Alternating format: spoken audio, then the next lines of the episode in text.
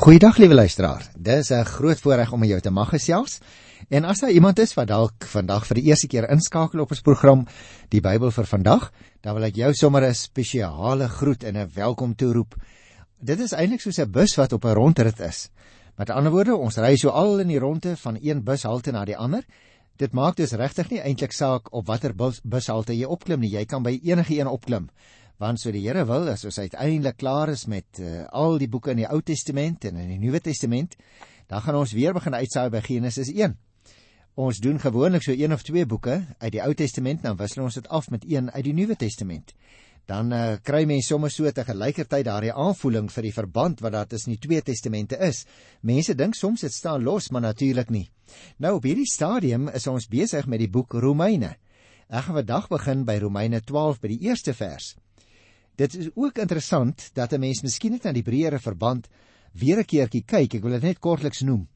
Jy sal onthou dat ons 'n lang gedeelte behandel. Dit was eintlik die 5de hoofdeel van die boek Romeine wat gestrek het van hoofstuk 5 die eerste vers tot aan die einde van hoofstuk 8. En dit het gehandel oor vrygespreekte Christusgelowiges wat nuwe mense geword het. Toe is dit onderbreek deur Paulus se argumente rondom die posisie van die Joodse volk Dit het gestrek van hoofstuk 9 vers 1 tot 11:36 en dit bring ons dan by die volgende, dit is dan eintlik die sewende hoofafdeling van die boek. En 'n mens sou daarbo aan waarskynlik kon skrywe so iets soos Christendom in praktyk. Met ander woorde, hy het eers oor ons posisie gepraat as gelowige mense, want onthou, ons is nuwe mense. En nou kom hy so bietjie meer na die praktyk toe. Wat beteken daardie nuwe mens wees in die praktyk van elke dag? En dit strek dan van Romeine 12 vers 1 tot Hoofstuk 15 by die 13de vers. Kom ons spring sommer dadelik in die dam en dan swem ons deur vandag se gedeelte. Ek sou ter inleiding daaroor wou sê dat ons moet onthou die voorafgaande deel van die brief. Met ander woorde die hele hoofstuk 1 tot 11. Daarin het Paulus gepraat oor die dinge wat ons glo. En nou gaan hy baie spesifiek skryf oor hoe jy en ek as Christus gelowige elke dag behoort te lewe, oor Christendom in die praktyk. En dit bring ons dan by hierdie sewende gedeelte se hoofbetoog as ons by die eerste 2 verse van Romeine 12 lees. Ek wil ook net tussen hakies sê voor ek dit lees, liewe luisteraar, hierdie gedeelte onderskei hom van die vorige 3 gedeeltes daarin dat dit veral op die praktiese lewe van die Christen se elke dag se bestaan fokus. Kom ons lees sommer dadelik die twee inleidende versies by Romeine die 12de hoofstuk en ek dink baie van ons ken dit sommer uit die kop. Die apostel skrywe En nou doen ek 'n beroep op julle broers op grond van die groot ontferming van God. Gee julle self aan God as lewende en heilige offers wat vir hom aanneemlik is. Dit is die wesenlike van julle godsdiens wat julle moet beoefen. Nou luisteraars, hierdie inleidende verse is eintlik 'n algemene oproep sou ek sê tot 'n godgewyde lewe. Jy moet oplet. Die oorgang na die meer prakties gerigte gedeelte van die brief word deur 'n baie ernstige beroep, noem Paulus dit, ingelei. En hy versterk dit deur die aanspreekvorm broers. Hy sê en nou doen ek 'n beroep op julle broers. En dan praat hy dadelik oor die groot ontferming van God. Nou luisteraar, dit vorm natuurlik die basis vir hierdie beroep. Hy rig hom dus tot jou en roep ons op tot 'n bepaalde styl van lewe in die praktyk. Maar hy sê dit alles is is gegrond op die groot ontferming van God. Daar het ons nuwe lewenspraktyk eintlik in werklikheid sy oorsprong. Op grond van God se ontferming is die Christusgelowiges as dankbaarheidsmense dit eintlik verskuldig om hulle self met al hulle vermoëns as lewende en heilige offers aan God terug te gee, so sê die apostel. Jy let dus op anders as die geslagte diere wat in die kultus van die Ou Testament geoffer is, word Christene so 'n lewende offer wat nie alleen aan God gewy word nie, met ander woord, woorde wat nie alleen heilig is nie, maar waarin God ook 'n behaag het. 'n Mens sou ook die laaste gedeelte van daardie eerste versie wat lui: Gee julleself aan God as lewende en heilige offers wat vir hom aanneemlik is en dan sê hy Dit is die wesenlike van die godsdiens wat jy beoefen. Ons kan dit so vertaal. Dit maak julle godsdiens sinvol En dit lyk vir my amper nog 'n halwe duideliker vertaling in gewone Afrikaans, né? Met ander woorde, alle uiterlike godsdienstige pligplegings is in werklikheid niks seggend as mens nie homself aan God offer nie, sê die apostel. En juis daarom sluit die tweede vers baie nou aan by die eerste en brei dit in 'n negatiewe sin sowel as 'n positiewe aspek uit of wat dit beteken om God gewyde offers te wees. Ek lees weer die tweede versie, luister. Julle moenie aan hierdie sondige wêreld gelyk word nie, maar laat God julle verander deur julle denke te vernuwe. Dan sal julle ook kan onderskei wat die wil van God is, wat vir hom goed en aanneemlik en volmaak is. Dis wonderlike verse met 'n baie baie sterk oproep. Want uh, jy sien aan die negatiewe kant sê die apostel julle moenie aan hierdie sondige wêreld gelyk word nie. En dadelik daarna die positiewe aspek wanneer hy sê laat God julle verander. En hoe verander die Here 'n mens? Liewe luisteraar deur julle denke te vernuwe nou ek dink ons moet nog 'n bietjie hieroor gesels want dit is so belangrik aan die negatiewe kant beteken dit dus om nie toe te laat dat hierdie sondige wêreld deur die druk wat hy op jou en op my uitoefen, ons in sy wêreldse vorm giet nie. Dit is wat die apostel lyk het vir my daarmee bedoel. Christene, liewe luisteraar, leef immers nie meer uit hierdie bedeling nie, maar vanuit die toekoms wat in Jesus Christus reeds op ons, kan ek dit so uitdruk, beslag gelê het. Met ander woorde, ons daaglikse praktyk mag nie beheers word deur die omstandighede waarin ons is nie maar deur die nuwe toekoms waarheen ons op pad is. Kom ek sê dit andersom. Jy en ek behoort 'n stukkie van God se nuwe wêreld in hierdie tyd in te trek. Iets van die nuwe toekoms wat vir ons wag, moet ons intrek in die hede en dit laat gestalte kry. Dit beteken is positief dat God ons moet verander. Ons kan dit nie self doen nie. En dan veral dat ons denke wat ons hele lewenswandel en lewensrigting bepaal, 'n vernuwing moet ondergaan. Ons denke luisteraars moet voortdurend daarop ingestel wees om tussen die verskeidenheid keuses waarvoor ons elke dag gestel word, die God welgevallige moontlikheid te kan onderskei is die woordjie wat die apostel gebruik en natuurlik dit dan te gehoorsaam. Jy sien, jy en ek kan nooit maar selftevrede wees nie. Ons kan nie maar die môre opstaan en net begin met die nuwe dag sonder dat ek vir myself sê, vandag gaan ek in die praktyk lewe as 'n nuwe mens. Hoor mooi wat ek sê, nie soos 'n nuwe mens nie, liewe luisteraar.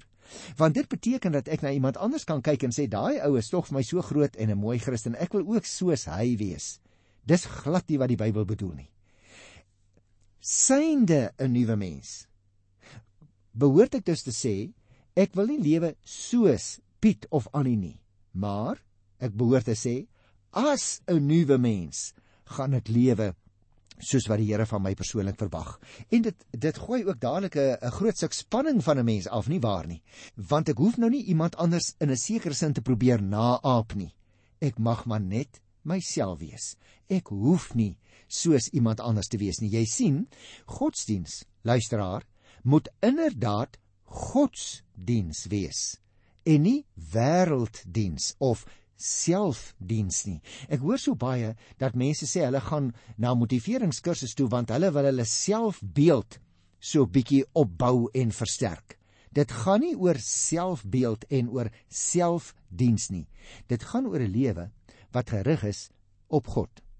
En daarom, na die inleidende verse, kom 'n mens hier van die 3de vers af en jy kry 'n wat sal ek dit noem 'n beroep ja 'n beroep maar let op 'n beroep om 'n beskeie verantwoordelike gebruikmaking van die gawes van die gees in jou lewe gestalte te laat kry Jy sien luisteraar, die algemene appel van die eerste en die tweede vers word hier van die derde vers af in konkrete besonderhede ontvou sodat ons dit kan verstaan.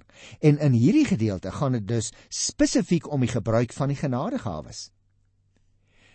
Ons moet onthou luisteraars, met verwysing na die eerste vers, dat reeds in die Ou Testament God dit duidelik gemaak het dat die offer van 'n die dier net simbool is van die aanbidder se selfoorgawe aan die Here.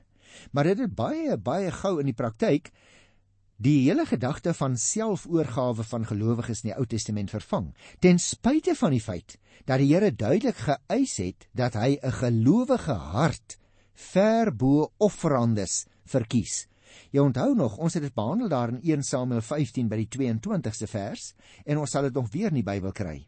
Daarom moet 'n mens jouself dus volledig as 'n lewende offer tot beskikking van die Here stel en jou deur sy gees laat beheers en nie meer deur jou natuurlike geaardheid nie. Voordat 'n mens dus diep ingaan op wat hier van die uh, derde vers af geskrywe is, wil ek nog 'n keer die tweede vers duidelik onderstreep. Julle moenie aan hierdie sondige wêreld gelyk word nie, maar laat God julle verander deur julle denke te vernuwe. Dan, sê die apostel, dan sal julle ook kan onderskei wat die wil van God is, wat vir hom goed en aanneemlik en volmaak is. Die gebruike van die wêreld, luisteraar, is gewoonlik baie selfsugtige gebruike en sleg ook baie kere. En daarom besluit baie Christene tereg ook dat hulle in baie opsigte nie soos die wêreld wil optree nie.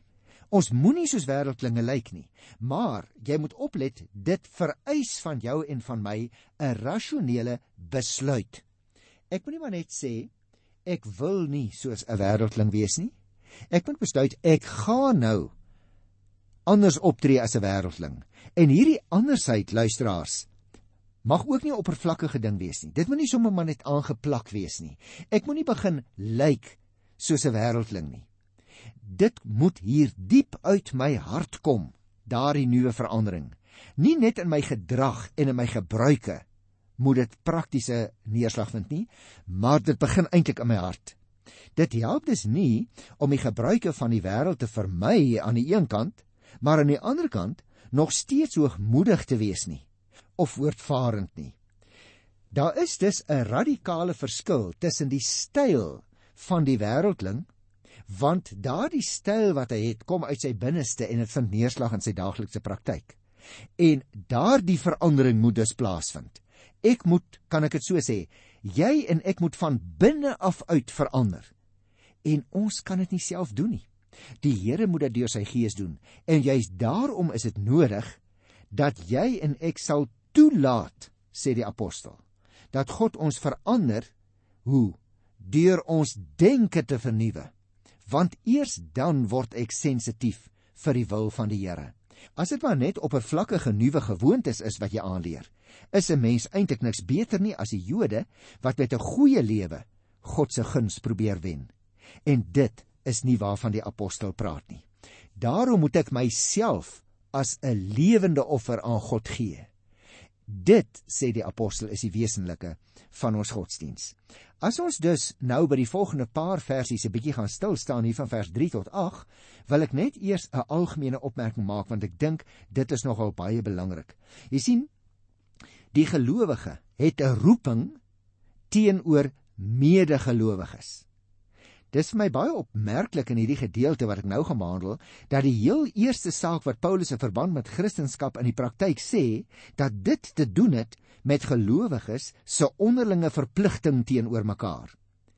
Jy en ek vorm immer saam een liggaam, liewe luisteraar, en ons is almal afsonderlike lede van mekaar. Ons gaan daarby stil staan by die 5de vers net nou. Nou kom ons kyk dan hier na die 3de versie. Kragtens die genade wat God aan my gegee het, sê ek vir elkeen van julle: Moenie van jouself meer dink as wat jy behoort te dink nie. Nee, lê jou liewer daarop toe om beskeie te wees in ooreenstemming, luister nou mooi, in beskeie te wees in ooreenstemming met die maat van geloof wat God aan elkeen toebedeel het. Luisteraar, jy en ek hoor vandag tog so baie van selfagting En hoe belangrik dit is dat jy 'n goeie selfbeeld waarna ek net nou ook verwys het, moet hê. Paulus waarsku egter na die ander kant toe. Jy moet 'n getroue selfbeeld hê, gebaseer op die vermoëns en gawes wat God aan jou gegee het. Daarom mag jy en ek onsself nie meet aan die wêreldse maatstawwe vir sukses en prestasie nie, want al te maklik kan mens begin jag na 'n gereelde klop op die skouer Jy wil graag hê ander ouens moet jou prys. Besef luisteraar dat die persoonlikheidsgawes wat jy en ek ontvang het 'n geskenk van die Here is en dat jy sy werk daarmee moet doen. Ek hoef nie te probeer wees soos iemand anders nie. En hierdie vermaaning kom met nadruk volgens wat Paulus noem die genade wat die Here aan hom gegee het. Dit wil sê op grond van sy apostelskap en alles wat dit inhou, da op grond daarvan roep hy vir my en vir jou op tot 'n nuwe styl. Hy praat hier as die charismatikus by uitnemendheid. Die man aan wie baie genadegawes gegee is, hoor. Sy opdrag was eers negatief daar in die laaste deel van vers 3, toe dit positief geword want hy het dit baie duidelik sterk positief gestel hier in die tweede gedeelte van die derde vers. Luister weer. Nee, lê jou liewer daarop toe om beskeie te wees in ooreenstemming met die maat van geloof wat God aan elkeen toebedeel het. Jy sien dit gaan daarom luisteraar dat God aan elke gelowige bepaalde geestelike vermoëns toebedeel het, sê hy. Die uitdrukking die maat van geloof lyk dit vir my dui op die grense wat kragtens hulle spesifieke aard en bedoeling aan hierdie geestelike vermoëns gestel is. Want jy en ek het nie al die vermoëns nie en ons het ook nie al die potensiaal om 'n bepaalde vermoë tot sy volle konsekwensie deur te voer nie. Ander mense het soms dieselfde gawe as ek ontvang en hulle potensiaal om dit verder te ontwikkel miskien as ek self is dalk groter as myne. Die Christen moet dus sê die apostel beskeie wees, dankbaar binne die maat van hierdie vermoë moet ek optree en nie onbeskeie aansprake maak nie. Kom ons lees nou vers 4 en 5. Paulus sê ons het baie lede in een liggaam en die lede het nie almal dieselfde funksie nie. Net so is ons al is ons baie in Christus een liggaam en almal afsonderlik lede van mekaar. Jo, liewe luisteraar, dit is 'n wonderlike en 'n eenvoudige waarheid. Ons vorm 'n een eenheid, maar ons is nie almal 'n klomp duplikate die een van die ander nie. Dit is nie soos 'n dame wat klein koekies uit die oond haal. En sy behandel elkeen dieselfde want hy lyk ook elkeen dieselfde want sy het hulle elkeen op dieselfde manier gevorm en 'n kersie bo opgesit, né? Die apostel sê dit is nie so nie. Ons vorm almal een groot eenheid, die liggaam van Christus in die wêreld. Maar elkeen van ons is en lyk anders, het ander gawes ontvang. Die apostel moet jy oplet gebruik nou nie die beeld van klein koekies nie. Hy gebruik die beeld van die menslike liggaam as beeld om vir sy lesers te verduidelik hoe Christus gelowiges saam behoort te lewe en te werk. Hy sê die verskillende lede, dit is nou As ons aansluit by die liggaamsbeeld, dan sou ons ook kon sê die verskillende ledemate van die liggaam het verskillende funksies en die liggaam funksioneer net reg en korrek as elkeen van my ledemate sy funksie uitvoer. Die beeld, liewe luisteraar, van die gemeente as die liggaam van Christus kry mens natuurlik op ander plekke. Neem byvoorbeeld 1 Korinte 12. Jy uh, kan dit ook daar gaan lees. Ons gaan dit weer behandel as ons daarby kom. Maar luister nou na vers tot by vers 8. Ons het genadegawes wat van mekaar verskil volgens die genade wat God aan elkeen van ons gegee het. As dit die gawe van profesie is, laat ons dit gebruik in ooreenstemming met die geloof wat ons bely. As dit is om te dien, laat ons dien. As dit is om onderrig te gee, laat ons onderrig gee. As dit is om mense te bemoedig, laat ons hulle bemoedig. As ons gee, laat ons sonder bybedoelings gee. As ons leiding gee, dan met toewyding. As ons ander help, dan met blymoedigheid. Nou dis uiters belangrike opmerkings wat die apostel hier maak, want jy sien, God gee aan individuele Christusgelowiges die gawes wat die gemeente nodig het om reg te kan werk. Daarom het een ou nie al die gawes nie, maar gesamentlik het ons almal die gawes wat die gemeente nodig het vir sy gesonde funksionering. Om die gawes effektief te gebruik, moet 'n mens let op verskillende dinge. Byvoorbeeld nommer 1: Jy moet besef dat alle gawes en vermoëns van God afkom, sê die apostel. Tweedens: Jy moet verstaan dat nie almal dieselfde gawes het nie. Derdens: Jou eie gawes moet jy ken en jy moet hulle ontwikkel. Nommer 4: Jou gawes moet jy nie stel in jou eie diens nie, maar in God se diens tot voordeel van medegelowiges. En 'n laaste opmerking wat die apostel maak, jy en ek moet bereid wees, liewe luisteraar, om ons alles te gee sonder om enigiets terug te hou. En dit gebeur so dikwels dat ons hierdie dinge in die gemeente nalat. Jy sien hierdie sewe gawes wat die apostel hier noem in vers 6 tot 8 is eintlik maar net voorbeelde. Paulus noem in 1 Korinte 7 by die 11de vers nog ander. Ek het reeds vir jou gesê 1 Korinte 12 noem 'n hele klomp ander gawes en ook in Efesiërs 4 by die 11de vers. En daarom luisteraar, jy en ek moet moeite doen om vas te stel watter spesifieke gawes die Here aan ons gegee het. Baie kere is dit dinge wat jy en ek graag wil doen. Daar kan egter ook partykeer, wat sal ek dit noem, verskuilde moontlikhede en gawes in ons lê wat jy eers later in jou lewe begin ontdek. Die Here wil jou gawe gebruik om die gemeente daarmee te versorg. En daarom luisteraar, moet jy en ek bidend vasstel waar en hoe die Here ons wil gebruik in gemeente.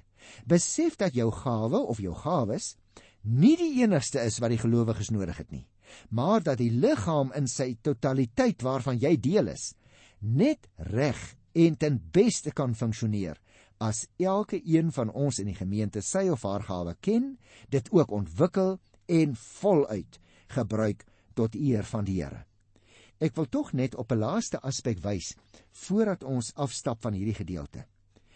Die drie gawes wat hier in die 8ste vers genoem word, naamlik om mense te bemoedig, om te gee en om leiding te gee.